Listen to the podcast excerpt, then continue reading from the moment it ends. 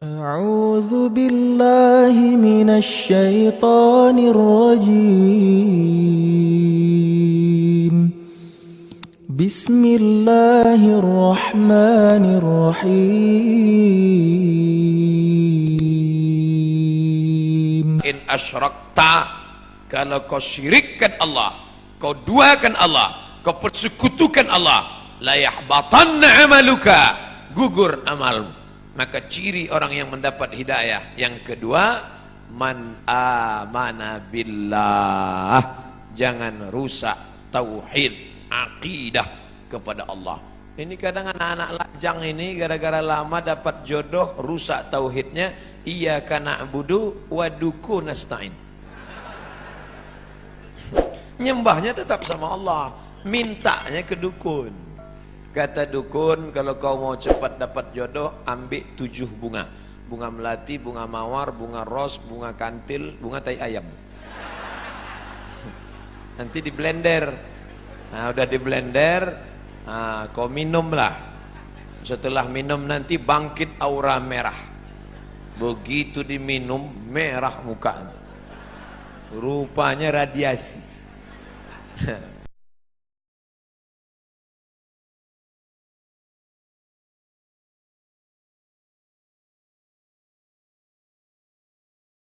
pergilah batu rubi berwarna merah maka aura merah akan bangkit wajah akan merah biji mata merah. Ini tak betul. Kalau memang tak boleh pakai cincin kenapa Ustaz pakai? Saya hanya sekedar suka saja. Pakai batu tak apa-apa. Tapi meyakini bahwa batu memberikan efek sesuatu rusak. La ilaha illallah kita. Kadang orang ini suka mancing-mancing Ustaz pakai cincin ada khasiat-khasiatnya. Ada saya bilang. Apa khasiatnya? Kalau dipakai duduk di rumah makan tak bayar. Hebat Pak Ustaz duduk aja jangan makan. Masih percaya dia dengan yang begitu-begitu la ilaha illallah. Kita dalam Islam diajarkan berani berkata la ilaha. La ilaha. Tak ada lagi batu-batu la ilaha. Ada lagi dukun-dukun. La ilaha. Tak ada lagi gelang-gelang. La ilaha. Tidak ada lagi sembahan-sembahan. La ilaha illallah. Murni. Inna salati wa nusuki wa mahyaya wa mamati lillah. Jangan rusak lagi. Yang nampaknya kita tak jadi nikah. Kenapa? Persiapan pernikahan sudah siap? Ternyata menurut ramalan kita tak cocok. Aku Taurus engkau Pisces. Taurus ini kambing Pisces ini ikan. Ikan tak cocok sama kambing. Tak jadi nikah hanya gara-gara ramalan. La ilaha illallah Muhammadur Rasulullah. Maka jangan lagi. Kazzabal munajjimun walau sadaku bohong dusta orang yang percaya kepada ramalan zodiak bintang-bintang. Kalaupun betul kebetulan bila anda telinganya agak ke depan tak cocok kerja di sungai. Bila taik lalatnya di bawah dagu cocoknya di darat. Ini bohong semua. Islam tidak pernah berkata demikian. Fa azamta kalau kau sudah tekad fatawakkal 'ala Allah bertawakkallah kepada Allah. Jangan rusak akidah tauhidmu. Percaya kepada burung-burung. La tiarata tak boleh. Dulu orang kafir musyrik kalau dia mau bisnis dilemparnya burung di atas pohon kayu. Lempar. Kalau burung itu terbang ke arah negeri Syam berarti sial. Syukmu Syam sial. Kalau pergi ke arah Yaman Yamin beruntung. Lempar. Ke arah Yaman ayo lanjutkan. Kalau ke arah Syam berarti sial. Kalau mau bisnis diambil anak panah tiga biji. Anak panah disimpan dalam Ka'bah digoncang. Pergi atau tak pergi? Ambil anak panah. Pergi. Ya pergi. Tidak pergi jangan pergi. Kosong anda belum beruntung. Goncang sekali lagi. Ini dibatalkan dalam Islam. Maka dalam Islam diharamkan. Innamal ghamru wal maisiru wal ansabu wal azlamu khamar. Namal amru wal maisir judi. Wal ansabu menjembeli binatang untuk berhala. Wal azlam mengundi nasib.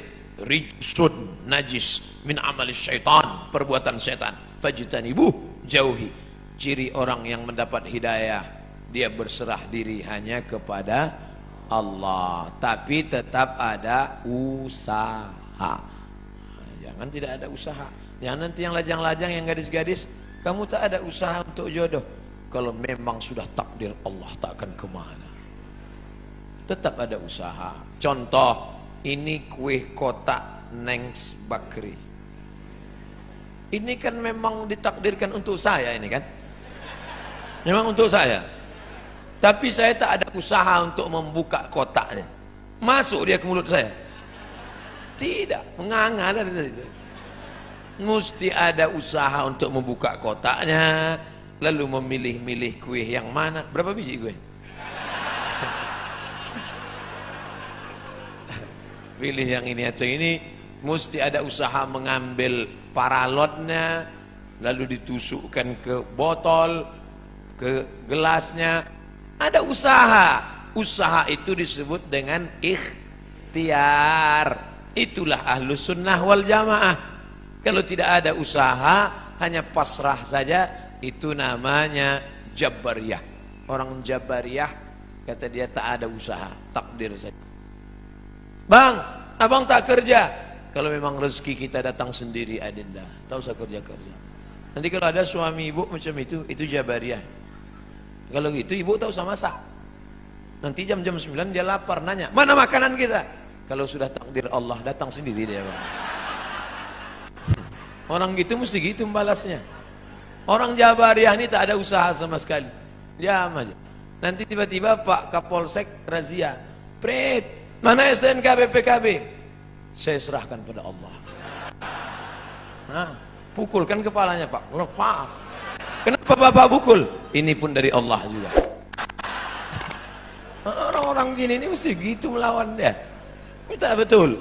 Allah kasih kita kudrat, Allah kasih kita iradat, Allah kasih kita sama, Allah kasih kita basar, Allah kasih kita kalam supaya kita berusaha berusaha.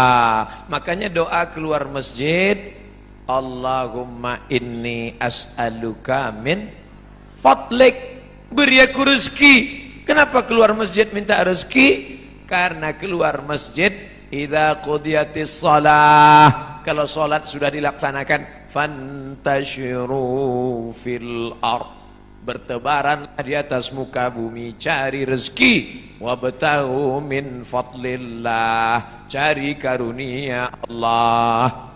Ciri orang yang dapat hidayah yang pertama memakmurkan masjid. Yang kedua, beriman kepada Allah. Yang ketiga, wa aqamas shalah. So salat bukan somat. Salat. Mudah-mudahan anak-anak gadis yang rajin salat subuh ini mendapatkan suami yang rajin pula salat subuh. Karena kalau kalian anakku yang sudah solehah, yang sudah cantik, yang sudah rajin sholat, tiba-tiba dapat laki tak sembahyang, tak satu dua curhat masuk ke HP saya. Ustadz, dulu saya sangka nikah sama dia bahagia. Ternyata Pak Ustadz, cuman rasanya bu, macam tidur sama babi hutan. tak sembahyang. Walaupun hidup seribu tahun kalau tak sembahyang apa gunanya walaupun hidup seribu tahun kalau tak sembahyang apa gunanya? Nanti kalau bapak ibu kebetulan pergi umrah ada mihrab dalam taman raudhah masjid nabawi tempat solat nabi.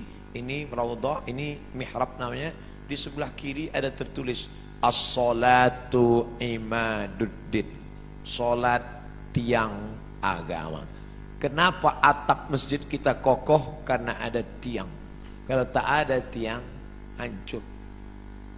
Puasa melayang Zakat terbang Haji hilang Karena tak ada tiang. Tiang dari segala amal adalah Salat dan solat waktunya tak boleh digeser. As-salatu ala waktiha. Apa kata panitia tadi malam?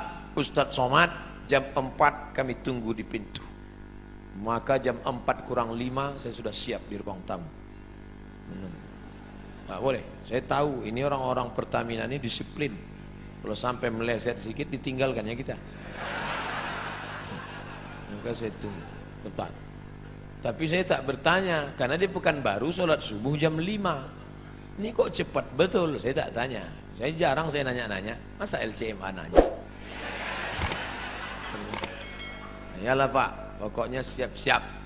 Sedangkan janji sama Allah tak boleh digeser, apalagi sama sama manusia tak kita geser, apalagi sama Allah. Ini sekarang banyak yang geser janji sama Allah. Pelembang sholat subuh jam 4 lewat sikit, dibuatnya sholat subuh jam 8 bangun jam 8 tutup pintu rapatkan gorden matikan lampu. Salli fardhu subhi. Allah.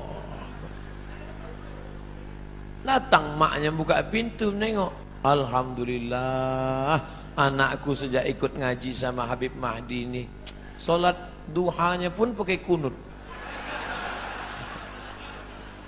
Allahumma dina fi man hadai Hebat. Ustaz Somad boleh nanya Ustaz? Boleh. Ustaz kan biasanya jawab pertanyaan pakai empat mazhab. Menurut Hanafi, menurut Maliki, menurut Syafi'i, menurut Ambali. Kira-kira solat duha pakai kunut itu mazhab apa ya Pak Ustaz?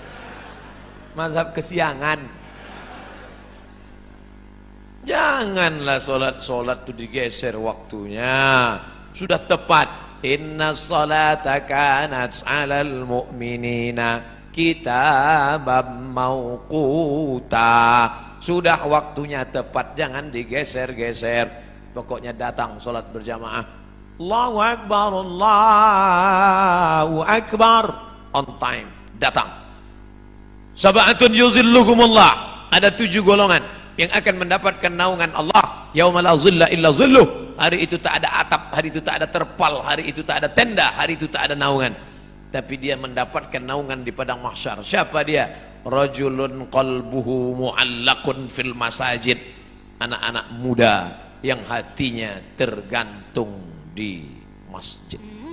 Mudah-mudahan anak-anak muda di Pertamina ini